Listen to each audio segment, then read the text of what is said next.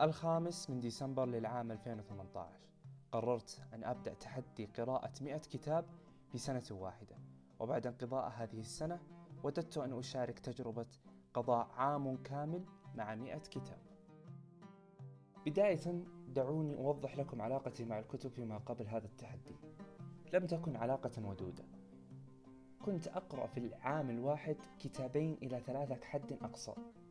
قد يمر علي اقتباسات من بعض الكتب إلا أني لا أصنفها في مبدأ القراءة لأنها لا تعطيك انطباعا كاملا عن الكتاب إلى أن مر على تخصصي الجامعي ثلاثة أشهر وكنت أرى نفسي غارقا فيه سألت نفسي ذات يوم سؤال هل أنا راض عن وضعي الثقافي؟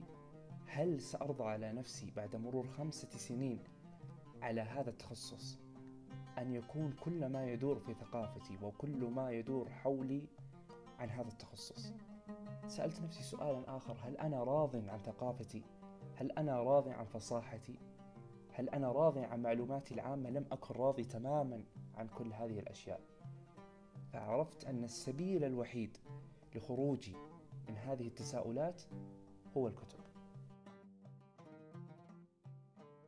كان أول خطوة لتطوير ثقافتي ومعرفتي أن أرفع عدد الكتب التي أقرأها من كتابان إلى مائة كتاب في العام ولكي أجعل الموضوع جادا أكثر حولته إلى تحدي. ولأن لكل تحدي شروطه وضعت لهذا التحدي خمسة شروط رئيسية. كان الشرط الأول أن أنجز أي كتاب أبدأ في قراءته. كان هذا أصعب الشروط.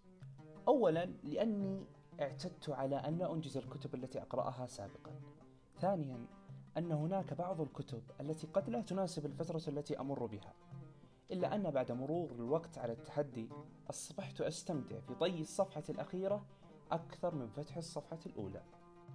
الشرط الثاني كان أن لا أكرر مجالي قراءة خلف بعضهما. بمعنى إن قرأت اليوم بالدين لا يحق لي أن أقرأ بعده كتابا بالدين.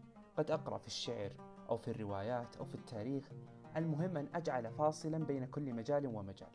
يحق لي أن أعود وأقرأ فيه إلا أن يجب أن أنوع في قراءاتي. كان هذا الشرط مهما جدا لكي لا أشعر بالملل من الكتب وأنا جديد عليها. وعودة إلى الكتابين ولكن بطريقة أخرى. كان الشرط الثالث أن أقرأ كتابين كحد أدنى في الشهر وثمانية كتب كحد أقصى بل كحد طبيعي للتحدي في الشهر الواحد. كان الموضوع يسيرا جدا. أصبحت الكتب من السهل اقتناءها وأصبح إذا لم يكن لديك حتى وقت للقراءة بإمكانك الاستماع لها. كان الموضوع سهل جدا. أما شرطي الرابع في هذا التحدي كان أن أخطط الكتب التي أقرأها وأخذ اقتباسات منها وأنشرها على مواقع التواصل الاجتماعي. كنت من المعارضين سابقا رغم أني لم أكن أقرأ لأني كنت أعيب على الذين يخططون كتبهم ويضعون مثل التلخيص لهذا الكتاب أو خطوط ملونة على هذا الكتاب. كنت أعتقد أنها تشوه الكتاب. لم أكن أعلم النفع الهائل فيها. كتب كثيرة قرأتها لا أزال أتذكر سطور وصفحات منها بسبب هذا التخطيط. كان أمر عظيم وربما كان هو من أهم الشروط التي وضعتها في هذا التحدي. شرطي الأخير كان امتدادا للشرط الرابع فكان الشرط الخامس أن أبحث أكثر عن موضوع شدني في الكتاب. كنت أخذ ورقة جانبية وأضع عليها المواضيع التي شدتني من هذا الكتاب. شخصية مثيرة للاهتمام حدث تاريخي كبير. كان البحث بحثا جادا ليس بحث قراءة مقالة في ويكيبيديا لا كنت أبحث حتى عن مقالات كتبت في الجرائد آنذاك إذا كان في الوقت اللي في الجرائد الإلكترونية. كنت أبحث عنها في اليوتيوب مقابلات مع أشخاص عاشروا تلك الفترة. الموضوع يستحق فعلا أن تبحث. إذا وجدت شخصية مثيرة للاهتمام حدث تاريخي شخص أعجبك في الكتاب يجب عليك البحث عنه كي تتعمق فيه أكثر وكي تعجب بالشخصية أكثر. بدأت التحدي ووضعت في ملف خارجي تقييم للكتب. ونشرتها في تويتر. كان من مبدأ لكي أتحدى نفسي أكثر نشرتها في تويتر. لكي يشاهد أشخاص أكثر ويراقبوني على أقل تقدير الذين يعرفوني ويشاهدون أين وصلت هل أنجزت مئة كتاب هل لم أنجزها هل تركتها. عموما حينما بدأت كان أول كتاب قرأته كان كتاب الأذكياء لأبي الفرج الجوزي. كان كتاب خفيف جدا كان عن قصص عن الأذكياء. بإمكانك أن تقرأ قصة وتترك الأخرى اللي لم تعجبك. القصص متشابهة وجميعها نفس الفكرة. فكان سهل جدا لشخص يريد أن يدخل في القراءة ودائما أنصح الأشخاص الذين يبدون في القراءة أن يقرأوا القصص الخفيفة كي تمرنهم على الدخول. من المخاطر على الأشخاص الذين يقرؤون أن يبدأ في كتب كبيرة جدا من 400 صفحة 500 صفحة أو كتب سيرة. الموضوع صعب جدا ومرهق ومحبط. فبدأت في كتاب الأذكياء الذي قيمته بثمانية من عشرة. وبعد أن أعدت قراءة الكتاب بعد أن انتصفت في هذا التحدي ومر علي خمسين كتاب قراءة لم أعطيه تقييم ثمانية من عشرة كما أعطيته سابقا. أتضح لي أنه لا يستحق ثمانية من عشرة. بدأت وكنت بطيء جدا. بطيء بشكل لا يوصف في القراءة.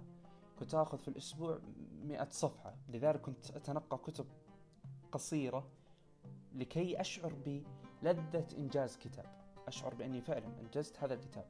كان يعجبني حينما يقولون أنجزت هذا الكتاب في جلسة واحدة. كان الموضوع صعب علي لأني لا أزال في طور بناء لقارئ. كنت أقرأ كتب قصيرة وهذا شيء أنصح فيه. يجب أن تقرأ في البداية كتب قصيرة لكي تشعر بلذة الإنجاز. الإنسان يحب أن يشعر أنه أنجز شيء. فحينما تقرأ كتاب قصير وتنجزه تشعر فعلا بأنك أنجزت وتبدأ بالتقدم. بعد مرور عشرين كتاب على هذا التحدي لم أكن أشعر بأي شيء. لم أكن أشعر بعاطفة تجاه هذه الكتب لم أكن أشعر بأني أحبها. كأن كأن العلاقة كانت فعلا علاقة تحدي. أشعر بتحدي. يجب أن أنجز هذه المئة كتاب. إن أنجزتها خير وإن لم أنجزها فلا ضرر في ذلك. فهذا ليس من عاداتي أن أقرأ كتب إنما هي عادة مستحدثة. إن تركتها لا ضرر وإن بقيت عليها فلا ضرر أيضا. إلا أني كنت جاهلا أن أثر الكتب لا يأتي سريعا. لن أقرأ الكتاب اليوم وأتثقف غدا. كانت الكتب تبني رغبتي في الكتب بشكل بطيء جدا. وصلني بعد عشرون كتاب. بعد العشرون بعد أن قرأت ديوان أمير المؤمنين علي بن أبي طالب رضي الله عنه شعرت أنني يجب أن أخوض تجربة قراءة أشد قوة. فدخلت في قراءة الرحيق المختوم لسيرة الرسول محمد عليه أفضل الصلاة وأتم التسليم. بعد مرور ستون كتابا عرفت حينها ما هي الكتب التي تلائمني وما هي التي لا تلائمني. عرفت الكتب التي لا تستحق أن أضيع عليها وقت لعدم رغبتي بها وما هي الكتب التي يجب أن أسخر وقتي لها؟ عرفت أني لا تلائمني كتب تطوير الذات فلم ترق لي. أعطيتها من هذا التحدي ما يقارب السبعة كتب إلا أنها لم تناسبني. لم ترق لي فكرة تغيير الشخص تماما لم لم ترق لي بشكل عام. قد تناسب شخصا آخر قد تكون فعلا غيرت ملايين البشر وفعلا هناك أعلام يقرون بفضل هذه الكتب وتغييرها لهم إلا أني لست من الأشخاص الذين يحبون كتب تطوير الذات. من الأنواع الأخرى التي لم تعجبني كتب الروايات روايات الجريمة مثل روايات أغاثا كريستي وغيرها لم يرق لي هذا المجال. وآخر نوع لم يعجبني هو الروايات الحديثة. أقصد بهذا التي تجدها أحيانا على الرفوف بأسماء غير مفهومة بقصص غير معلومة بقصص مكررة أداء ضعيف أشياء كثيرة فيها لا تعجبني ولم ترق لي وأنا متأكد تماما أن سيمر الزمن وتنسى هذه الروايات ولا أحد يقرأها كغيرها من الروايات السيئة. هذه الثلاث كتب لم ترق لي وعرفت أن لا يجب علي أن أضيع وقتي فيها ولا يجب أن أضيع مالي عليها. وانقضى هذا العام. انقضى وأنا قرأت في خمسة عشر مجالا. لم أكن أتخيل يوما أنني سأقرأ فيها. منها كتب الاقتصاد ومنها كتب الدين والرواية والشعر وكتب الرياضة أيضا. كتب لم أكن أتخيل أني في يوم من الأيام سأقرأ عنها إلا أني فعلت انقضى وأنا خاسر لهذا التحدي. قرأت ما يقارب الثمانون كتابا فقط. ما وثقت في مواقع التواصل الاجتماعي أني قرأتها كان 65 كتابا. أما الخمسة عشر الآخرين فلم أرغب أن أكذب على نفسي وأصنف نفسي أني أنحيتها. بعضها تجاهلته بعضه لم أفهم فكرته الرئيسية ففضلت أن أتركه وأبدأ في كتاب آخر. نعم أخللت بشرط أن أنهي أي كتاب أقراه إلا أن هذه الكتب كانت أقوى من هذا الشرط. بعد أن انقضى هذا العام اكتسبت القراءة عادة وجعلتها شيئا رئيسيا في حياتي. أصدقائي أنا لا أروج الآن للقراءة. فقد روجوا لها في المدارس ونصحونا فيها في الصغر ودائما ينصحون بالقراءة. إلا أني ما أقوله الآن هو تجربتي أنا. إنني ما كنت عليه قبل القراءة لست ما أنا عليه بعدها. القراءة تغير كل شيء تراه أمامها. تماما كأنها سيل أتى على أرض جرداء وحولها إلى واحة. القراءة يا أخوان تجعل منك شخصا آخر. تجعل منك تنظر للأمور بمنظور آخر. تجعل كأنها تأخذ روحك الموجودة الآن وتبدلها بروح أخرى. تحولك لشخص أفضل وإن كنت ترى في نفسك أنك أفضل فإنها تقومك أكثر مما أنت عليه الآن. القراءة يا أخوان من يتجاهلها ويشعر بأنه فعلا مثقف وفعلا أنه عارف وفعلا أنه فصيح ومدرك فأنت تماما كأنما أنت ظمآن وتشرب من طين وبجانبك نهر جاري. يجب عليك أن تبدأ القراءة مهما كان الكتاب الذي عندك. أيا كان كتاب قديم كتاب في مجال تحبه لا تحبه عليك أن تقرأ.